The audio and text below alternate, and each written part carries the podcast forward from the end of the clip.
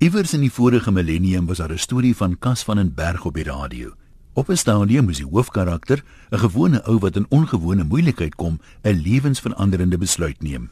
Op daardie oomblik besef hy dat alles wat voorheen in sy lewe gebeur het, gelei het tot daardie oomblik. En sy reaksie op alles wat hierna met hom gebeur, se oorsprong sal lê in daardie oomblik. Om een of ander rede het hierdie woorde 'n groot indruk op my gemaak. Ek het begin soek na 'n deurslaggewende oomblik in my eie lewe maar ek kon nie een vind nie. Miskien was die oomblik nog op pad. Later het ek gedink dit was dalk toe ek met die verkeerde vrou getrou het en nog later die oomblik toe ek kaal gat uit die skuilhof gestap het.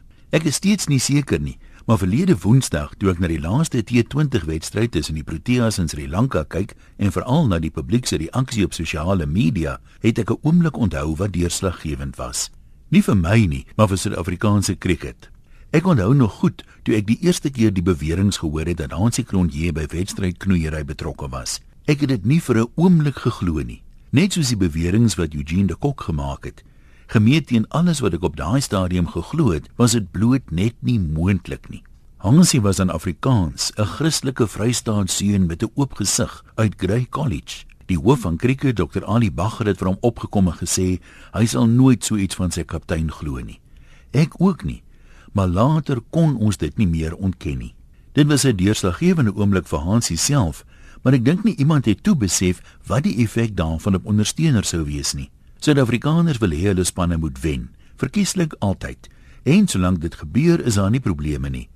Maar wanneer die span verloor, word daar vrae gevra. Lastige vrae, soos verlede Woensdag. Nadat hulle skoonskip gemaak het in die toetsreeks en die eerste T20 wedstryd maklik gewen het, verloor die Proteas die volgende een net net om van verlede Woensdag se derde wedstryd die deurslaggewende een te maak om die reeks te wen. Die Proteas kolf eerste en teken 'n goeie telling aan. Gegee Sri Lanka se onoortuigende vertonings met die kolf tot dusver, lyk dit na 'n wentelling.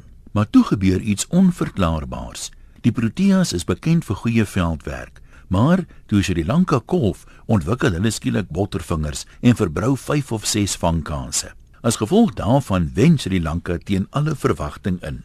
Enige sportspan lewer af en toe 'n vertoning benede pyl en gewoonlik word dit afgemaak as net 'n swak dag op kantoor, maar nie in cricket nie, nie meer nie. Skielik skree talle ondersteuners match fixing.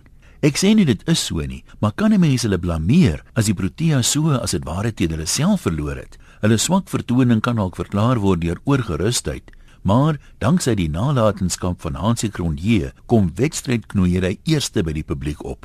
Ek raai dit gaan nog vir jare so wees. So 'n stigma word nie maklik afgeskit nie.